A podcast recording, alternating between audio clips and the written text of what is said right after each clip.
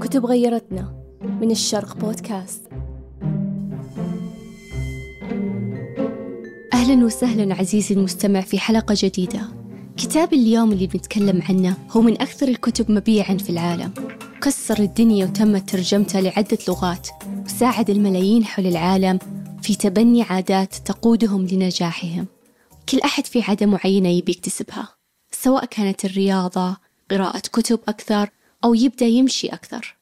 كلنا عندنا تلك القائمة ولكن ما حد يتكلم عن قد إيش صعب إن الواحد يبني عادة جديدة وإنه يعود جسمه وعقله. اللي قاعد متعود على شيء لزمن طويل إنه يتغير. أنا من الناس اللي علقوا بدوامة البدء والاستسلام. أحاول يومين وأطفش وأوقف. بعدين أرجع أسبوع وأوقف شهر. وعلى هذا النمط. إلين ما طفشت وسألت نفسي إلى متى؟ كتاب اليوم هو كتاب Atomic Habits أي العادات الذرية للكاتب جيمس كلير يمكن سمعت فيه من الضجة اللي سواه والسبب وجيه لأنه كان فعلا من الكتب اللي غيرتنا الكاتب جيمس هو متحدث يركز على العادات وتطوير الذات. تم بيع أكثر من عشرة ملايين نسخة من هذا الكتاب في جميع أنحاء العالم وترجم إلى أكثر من خمسين لغة. الكتاب باختصار إذا بوصفه هو دليل شامل وعملي عن كيفية تغيير عادات وتحسين حياتك. بس واحد في المية كل يوم. باستخدام إطار يسمى القوانين الأربعة لتغيير السلوك. يعلم الكاتب مجموعة بسيطة من القواعد تساعدنا نخلق عادات جيدة ونكسر العادات السيئة. يقول جيمس النجاح هو نتائج عادات يومية وليس تحولات تحدث مرة واحدة في العمر. في هذه الحلقة ودي أننا نتكلم عن الأمور الأساسية اللي أخذتها من هذا الكتاب العظيم.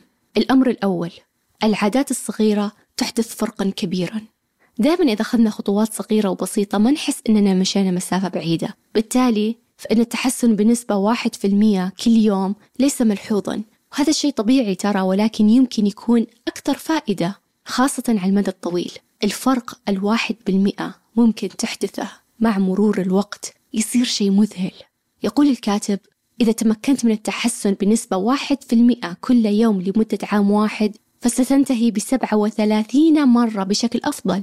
بالمقابل إذا ازددت سوءا بنسبة واحد بالمئة كل يوم لمدة عام واحد فسوف تنخفض تقريبا إلى الصفر ما يبدأ كفوز صغير أو انتكاسة بسيطة يتراكم إلى شيء أكبر.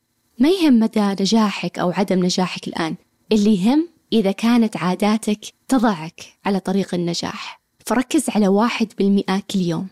الأمر الثاني انسى تحديد الأهداف. ركز على نظامك. الأهداف تدور حول النتائج اللي تبي تحققها أما الأنظمة تدور حول العمليات اللي تؤدي إلى تلك النتائج. إذا كنت تواجه مشكلة في تغيير عاداتك فالمشكلة مو بأنت المشكلة هي نظامك. العادات السيئة تكرر نفسها مرارا وتكرارا مو لأنك لا تريد التغيير ولكن لأن عندك نظام خاطئ للتغيير. الهدف في أي رياضة هو إنهاء اللعبة بأفضل نتيجة ولكن بيكون سخافة قضاء اللعبة كلها أنك تحدق في لوحة النتائج. الطريقة الوحيدة للفوز هي أن تتحسن كل يوم. يقول بيل والش الفائز بلقب سوبر بول ثلاث مرات. النتيجة تعتني بنفسها. وينطبق الشيء نفسه على مجالات الأخرى في الحياة. الأهداف جيدة لتحديد الاتجاه لكن الأنظمة هي الأفضل لإحراز التقدم. الغرض من تحديد الأهداف هو الفوز باللعبة. الغرض من بناء الأنظمة هو الاستمرار في لعب اللعبة. الأمر الثالث بناء عادات قائمة على الهوية. يقول الكاتب مفتاح بناء عادات دائمة هو التركيز على إنشاء هوية جديدة أولا. لأن سلوكياتك الحالية هي ببساطة انعكاس لهويتك الحالية. اللي تسويه الآن هو صورة طبق الأصل لنوع الشخص اللي تعتقد أنك عليه سواء بوعي أو لا شعوري. لتغيير سلوكك للأبد لازم تبدأ تصنع وتخلق صورة جديدة منك. مو بصعب ترى زي ما نتخيل بس خطوتان. أولا حدد نوع الشخص اللي تبي تصيره. ثانيا ابدأ خذ انتصارات صغيرة. إذا قررت أني بصير صحية لما أجي أطبق كلام جيمس وأبدأ بالهوية اللي بسويه هو أني أعتقد أني شخص يتمتع بصحة جيدة. لذلك بصفتي شخص يتمتع بصحة جيدة راح آكل طعام صحي وأمارس الرياضة بانتظام مما يؤدي بعد ذلك لإنقاص الدهون. الهوية جت قبل النتيجة. معظم الناس ما يفكرون حتى في تغيير الهوية لما يبون يحسنون في زاوية من زوايا حياتهم. يحطون الأهداف ويحددون الإجراءات اللي لازم يتخذونها لتحقيق الأهداف بدون ما يناظرون في المعتقدات اللي تدفعهم إلى أفعالهم.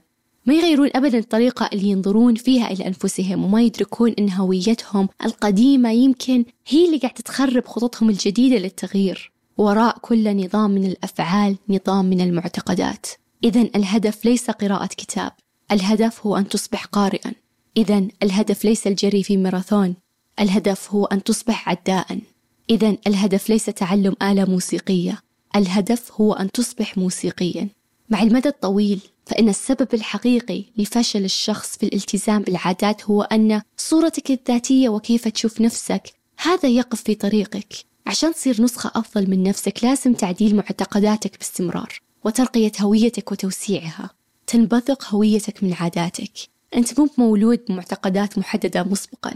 كل معتقد بما في ذلك المعتقدات المتعلقة بك تتعلمها. طب السؤال المهم كيف أبني العادات؟ بقول لك شلون في أربع خطوات بسيطة علمني إياها جيمس كلير. أول شيء الخطوة الأولى اجعلها واضحة.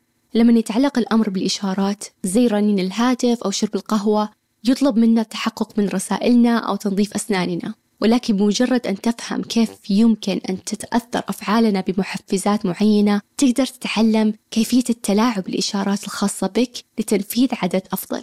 مثلا اعتقدت آن ثورنديك طبيبة الرعاية الأولية في مستشفى في بوسطن أنها تستطيع تحسين عادات الأكل لآلاف من موظفي في المستشفى والزوار ببساطة عن الطريق التلاعب ببيئتهم.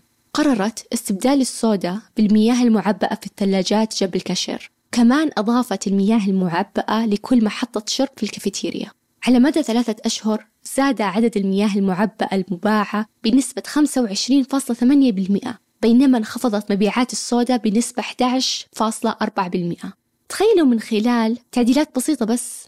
خلونا نفترض أنك تبي تكتسب عادة ممارسة الجيتار. ما راح تتدرب إذا أبقيت جيتارك في صندوق في خزانتك صح؟ أجل لازم تحط جيتارك في مكان يسهل رؤيته. وقدامك تبي تتمرن أكثر؟ بس حط ملابسك الرياضية وحذائك قدام السرير في الليلة السابقة عشان لما تستيقظ تقدر تشوفها. يمكن أن يؤدي إنشاء إشارات بصرية عشان تجذب جذب الانتباه إلى عاداتك المرغوبة. لازم يكون في شيء ذكرك أنك تسوي هذه العادة حتى لو كانت أمور بسيطة. الخطوة الثانية اجعلها جذابة. يقول الكاتب عشان خلي العادة مستمرة لازم تكون جذابة. بشرح لك من خلال مثال. قرر رونن بيرن طالب هندسة في إيرلندا أنه بحاجة إلى ممارسة المزيد من التمارين. بس ما يبي. مشكلة كثير منا نعاني منها. راح فكر. وش الشيء اللي أنا أحبه وأستمتع فيه؟ قال رونان أنا أستمتع بمشاهدة Netflix. حلة. ربط دراجة التمرين بجهاز الكمبيوتر. وفوق كل ذا كتب رمز يسمح له أن يدخل حسابه Netflix بس إذا كان يركب الدراجة بسرعة معينة. يعني Netflix ما يشتغل إلا لو اشتغلت الدراجة بسرعة معينة في النهاية. حول نشاط كان يكرهه وربطه بنشاط كان يستمتع فيه. مو بلازم تصير مهندس وتسوي زي رونن بس ممكن تقول ما راح أتفرج مسلسلي إلا بعد ما أقرأ عشر صفحات من كتاب أول. ما راح أطلع مع صحابي إلا ما أسوي الرياضة وهكذا. اربطه بشيء تحبه وخليهم دائما مع بعض. الخطوة الثالثة خليه سهل. فكلما قل الاحتكاك بينك وبين العادة زادت فرص قيامك بالعادة بالفعل. ينطبق هذا على أشياء بسيطة زي ترتيب حقيبة الجيم قبل يوم واحد من الذهاب للنادي. أو إعداد وجبة صحية من بدري حق الأسبوع كامل عشان ما تطلب وجبات سريعة. كل ما سهلت العادة في عينك كل ما صار عندك دافع أكثر أنك تقوم وتسوي الفعل. الخطوة الرابعة كافئ نفسك. من الجيد أن نبتكر شيء بسيط يجيب لنا السعادة بعد أن نؤدي عاداتنا مباشرة. مثلا في كل مرة بروح فيها للنادي باكل بروتين البار المفضل. يمكن هذا الموضوع بسيط ولكن هذا الروتين الصغير يخلي الواحد أكثر تفاؤلا. لما يفكر إنه بيقعد ساعة ولا ساعتين في النادي. شوف شيء أنت تحبه. تقدر تمنحه لنفسك بعد ما تخلص. تذكر تذكر تذكر الموضوع ياخذ وقت لتكوين عادة أو التخلص من عادة سيئة. وهذا هو السبب أن معظم الناس يتوقفون في منتصف الطريق. إذا لقيت نفسك تكافح عشان تبني عادة جيدة أو تخلص من عادة سيئة فهذا مو لأنك فقدت قدرتك على التحسن. غالبا عشان أنك ما تجاوزت الهضبة. بينما يعتقد الكثير من الناس أن إجراء تغيرات كبيرة هو المفتاح النجاح فإن الأشياء الصغيرة اللي نقوم بها كل يوم لها أكبر تأثير على حياتنا. ستؤثر عاداتنا اليومية الصغيرة على الشخص اللي بنصبح عليه في المستقبل. طبعا القول أسهل من الفعل لأن تكوين عادات جديدة قد يكون صعب مرة. لحسن الحظ في الكثير من النصائح والحيل عشان تساعدك في كتاب عادات الذرية. وصلنا نهاية حلقتنا اليوم. أتمنى أن هذه الحلقة تساعدكم في بناء عاداتكم الجاية اللي ودكم تتبنونها وتقربكم أكثر للمكان اللي تبون توصلون له. اكتبوا لنا في التعليقات أي كتاب ودكم نتكلم عنه في الحلقات القادمة. وتابعوا البودكاست على جميع المنصات حتى ما تفوتكم أي حلقة.